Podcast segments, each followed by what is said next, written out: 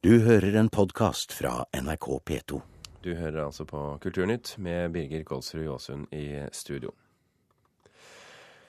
Nærmeste familie og pårørende av Sigrid Giskegjerde Skjetne, som ble funnet drept 4.9, opplever hets på svensk nettforum. Nettforumet er Sveriges største, og en av dem som opplever å bli hengt ut som bl.a. gjerningsmann i diskusjonen på siden, er Bjarne Koren, far til en av Sigrids venninner. Det gjør så utrolig vondt å lese slike ting om sin nærmeste at jeg, det er helt ubeskrivelig. Bjarne Koren er far til venninnen Sigrid Skjære Skjetne, var hjemme og så film hos kvelden hun ble borte. Skal vi, hva, hva, skal vi søke på? I en diskusjonstråd på det svenske nettstedet Flashback spekulerer personer med pseudonym om mulig hendelsesforløp og hva som kan ha skjedd. Har du sett? Bjarne kom over siden helt tilfeldig. Jeg skulle bare sjekke opp et foretaksnummer på firmaet mitt, og, og da plutselig dukker jeg opp i samband. Plutselig ser jeg med en side som heter Flashback i Sverige.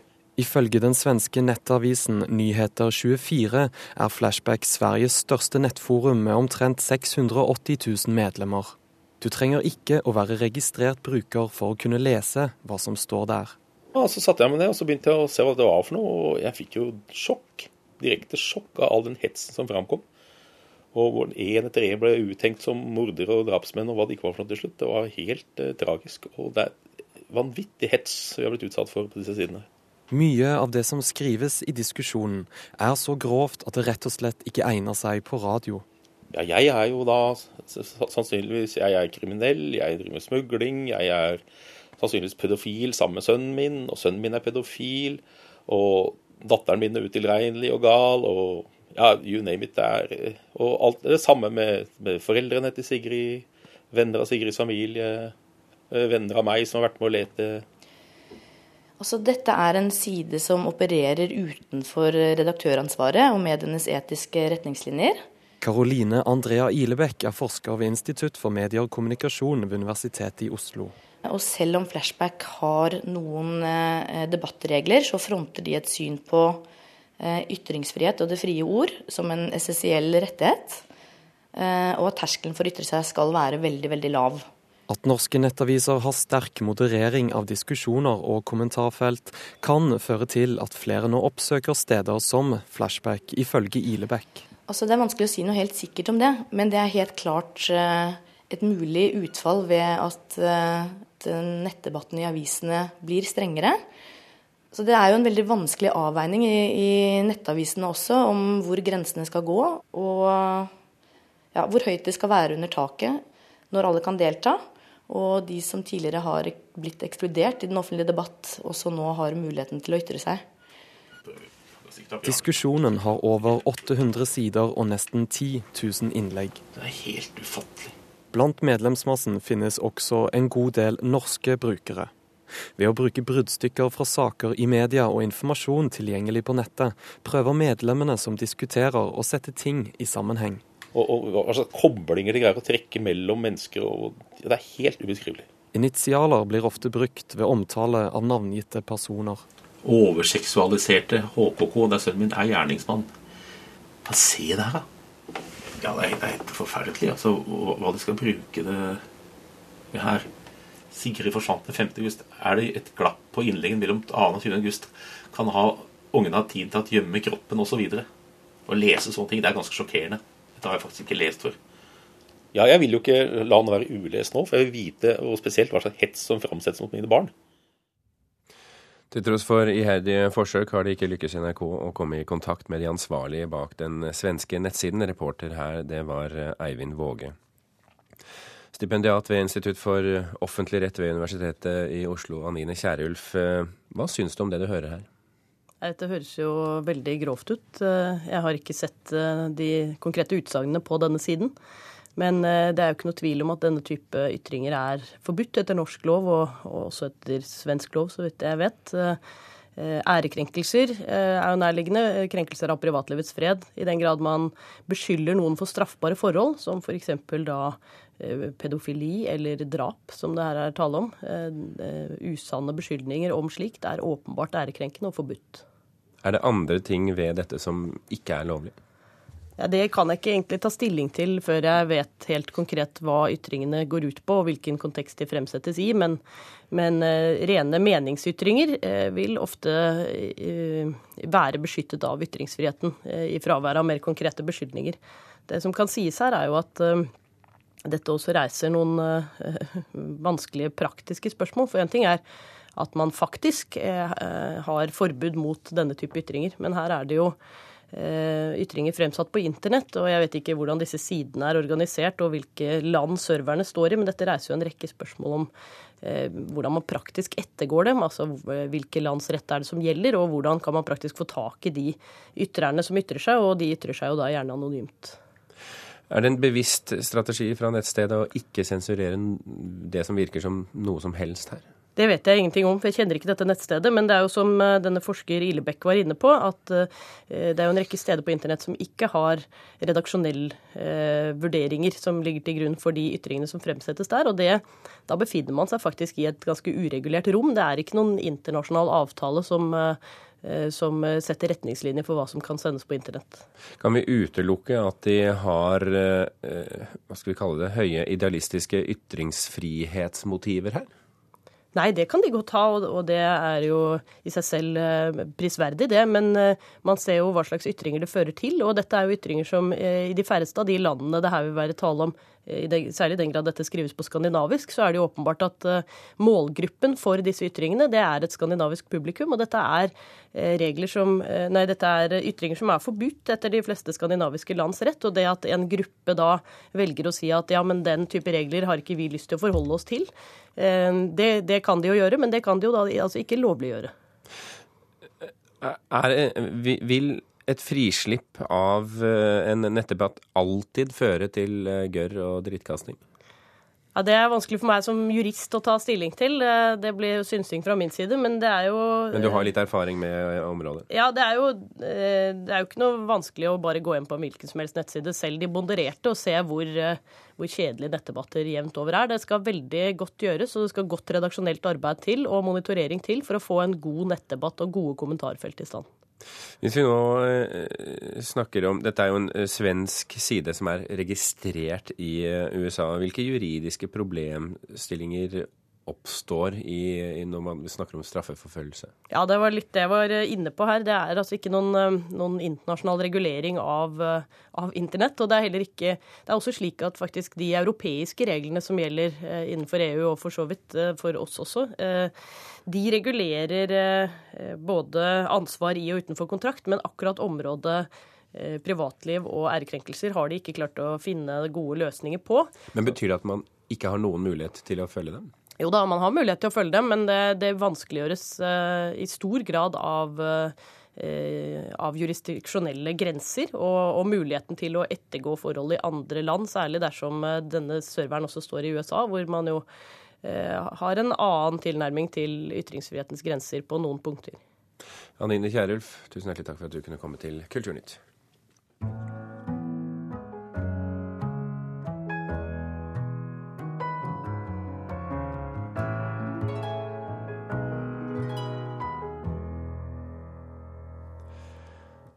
Vi har fått uh, nettopp beskjed om at SAS selger Widerøe og SAS Ground Handling. Det går frem av det kriserammede flyselskapets spareplan. Tidligere har det vært spekulert i at et salg av Widerøe kunne bringe inn rundt 1 milliard kroner til SAS. Mer om dette får du senere i, eh, kultur, uh, unnskyld, i Nyhetsmorgen. Vi skal nå til Storbritannia fordi styrelederen i BBC, Chris Patten, våknet i dag til avisforsider som krever hans avgang. I helgen trakk BBC-sjef George Entwistle seg etter at eh, Newsnight, programmet Newsnight feilaktig trakk inn en tidligere toppolitiker i en pedofilisak. Hva ligger i eh, kravene om at også styrelederen nå må gå av Gry Blekestad Almås i London? Det ligger jo en kritikk mot at George Entwistle får med seg en årslønn i tillegg til pensjonspakke eh, når han nå går av. Og Da snakker vi om en lønn på rundt 4 millioner kroner og en pensjonspakke på rundt 8 millioner kroner. Og Det er det da eh, mange som mener er urimelig for en 54 dager lang jobb. I tillegg så innrømmer Chris Patten, styrelederen, at han på forhånd visste om denne, dette programmet med anklagene mot uh, den tidligere konservative politikeren, men han stanset ikke programmet. Uh, og Det har altså da ført til at uh, Patten i dag våkner til Daily Mails forside. Kan Patten overleve? stilles spørsmålet der. Selv mener jo han at han i hvert fall bør sitte til han har gjort sine forsøk på å gjenreise tilliten til BBC. Og så må man eventuelt vurdere deretter om han har gjort en god nok jobb. Men da jo, eh, ble, fikk jo Newsnight eh, kritikk fordi at de holdt tilbake en reportasje om Savile. Denne, mm. denne, programlederen som, eh, som, er siktet for overgrep. Og så har de altså gått for langt når det gjaldt å trekke inn denne toppolitikerne. Hva, hva gikk galt da de prøvde å koble seg på saken igjen?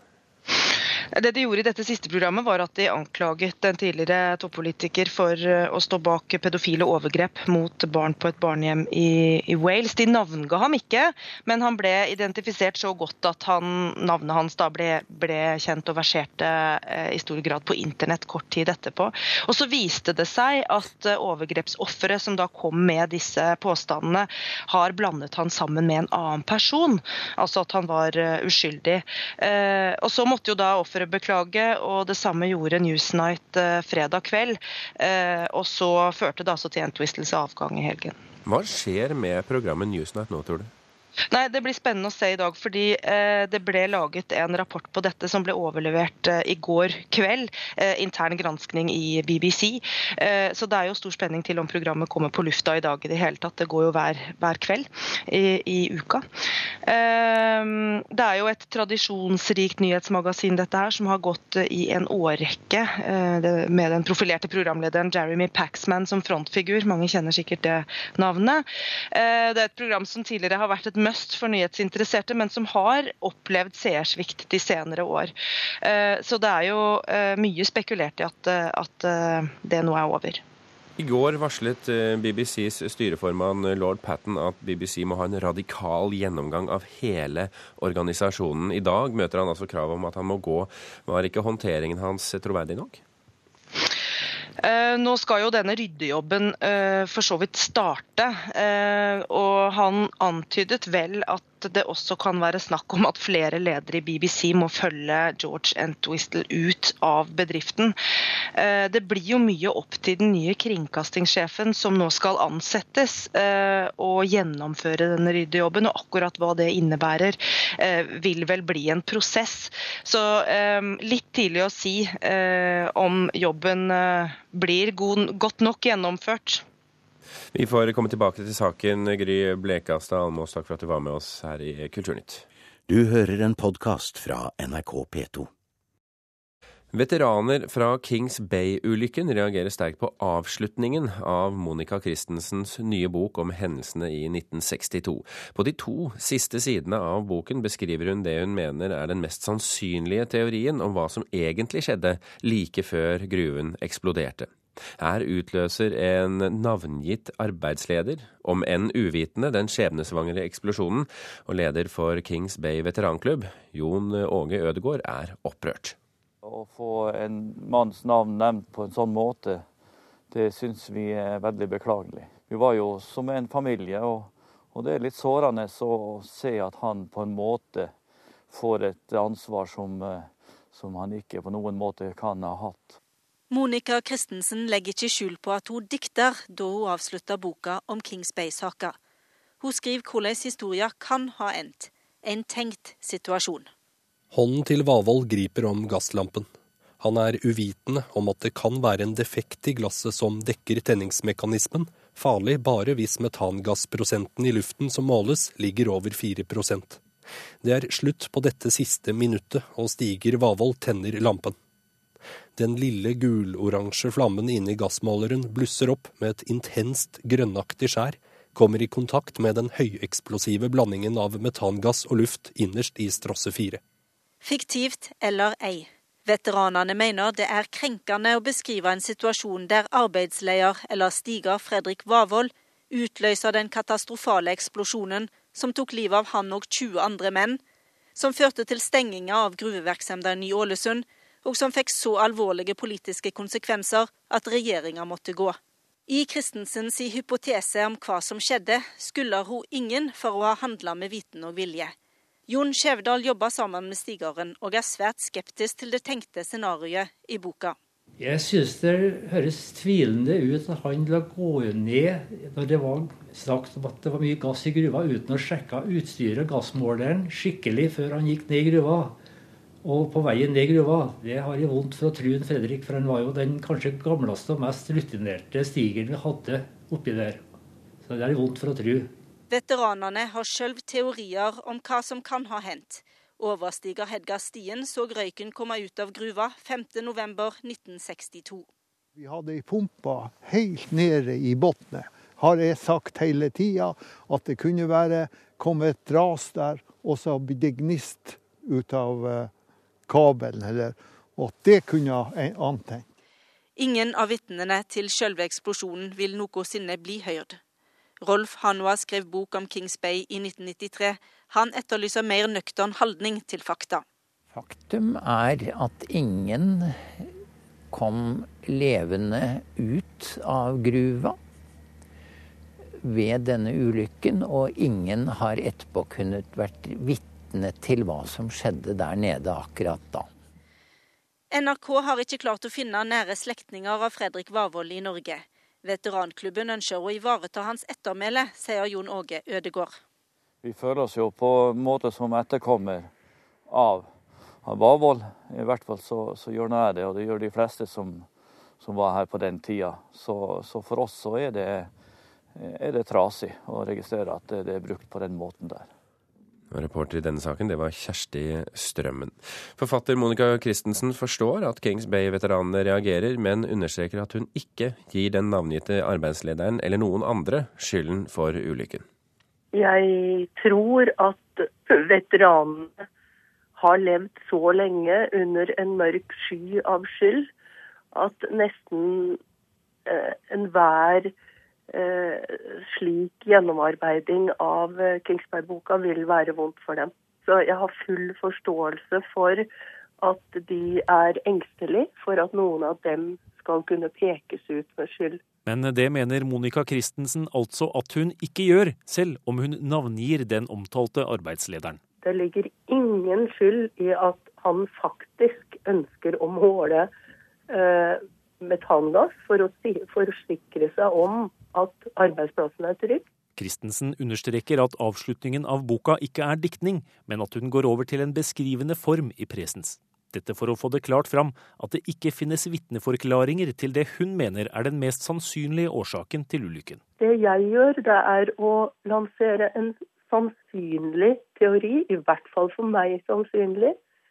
Og jeg er fullt åpen for at jeg kan ta feil. Men jeg vil understreke, jeg har ikke lagt skyld på noen for ulykka. Monica Christensen til reporter Gjermund Jappé. Knut Hoem, litteraturkritiker her i NRK. Hva, hva, tenker du om at Monica Christensen så klart navngir denne arbeidslederen og setter fram en hypotese om hvordan ulykken skjedde? Jeg tenker at uh, I dokumentarlitteratur av denne typen så uh, det, snakker vi om faktiske hendelser, og vi forholder oss til mennesker som faktisk har levd. og Da kommer, og må man også ha navnene med. Og De hypotesene som Monica Christensen legger fram her, er jo basert på at hun har lest seg gjennom to kommisjonsrapporter. Hun har lest loggene til de eh, arbeiderne som var der oppe. Hun har lest dagbøkene.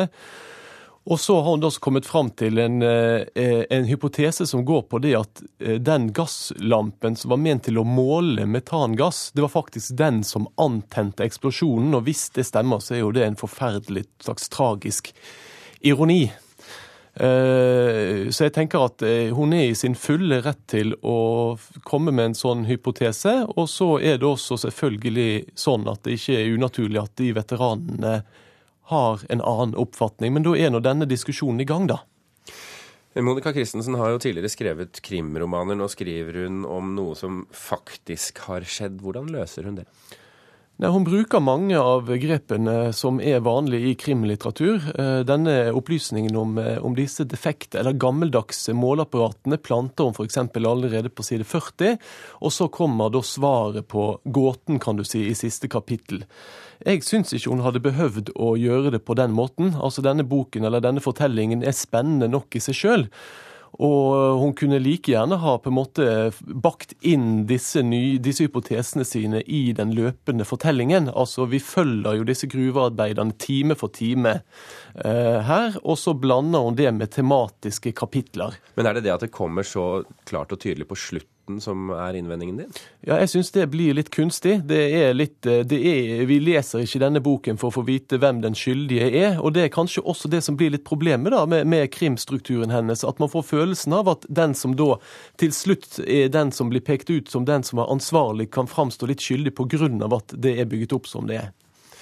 Vi har jo lest mye om Kings Bay-ulykken. Eh, trenger vi egentlig denne boken? Ja, det vil jeg absolutt si. Dette er en ganske stort anlagt fortelling som lever i kraft av at Monica Christensen så til de grader vet hva hun snakker om. Hun, har, eh, hun er polfarer, hun har doktorgrad på isbreer. Hun har til og med jobbet i dette gruveselskapet i Kings Bay. Og den kunnskapen skinner igjennom eh, hele veien og gjør at vi Dette er ikke bare historien om selve ulykken, det er historien om hele kull- og gruveeventyret som Norge holdt på med i nordområdene i dette tidsrommet, og ikke minst om Arbeiderpartiet sin krisehåndtering i, eh, midt, på, midt, i det forrige århundret, som jo selvfølgelig kaster lys over den krisehåndteringen som de driver med i dag. Hva savner du?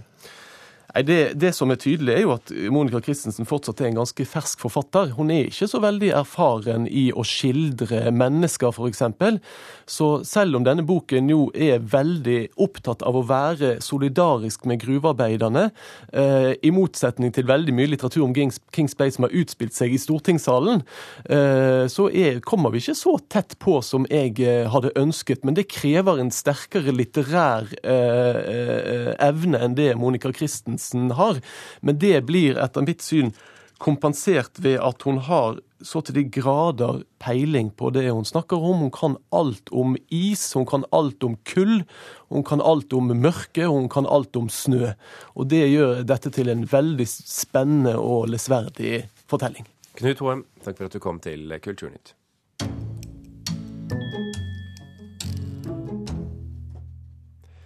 Taylor Swift og Justin Bieber stakk av med flest priser da MTV Europe Music Award gikk av stabelen i Frankfurt i går.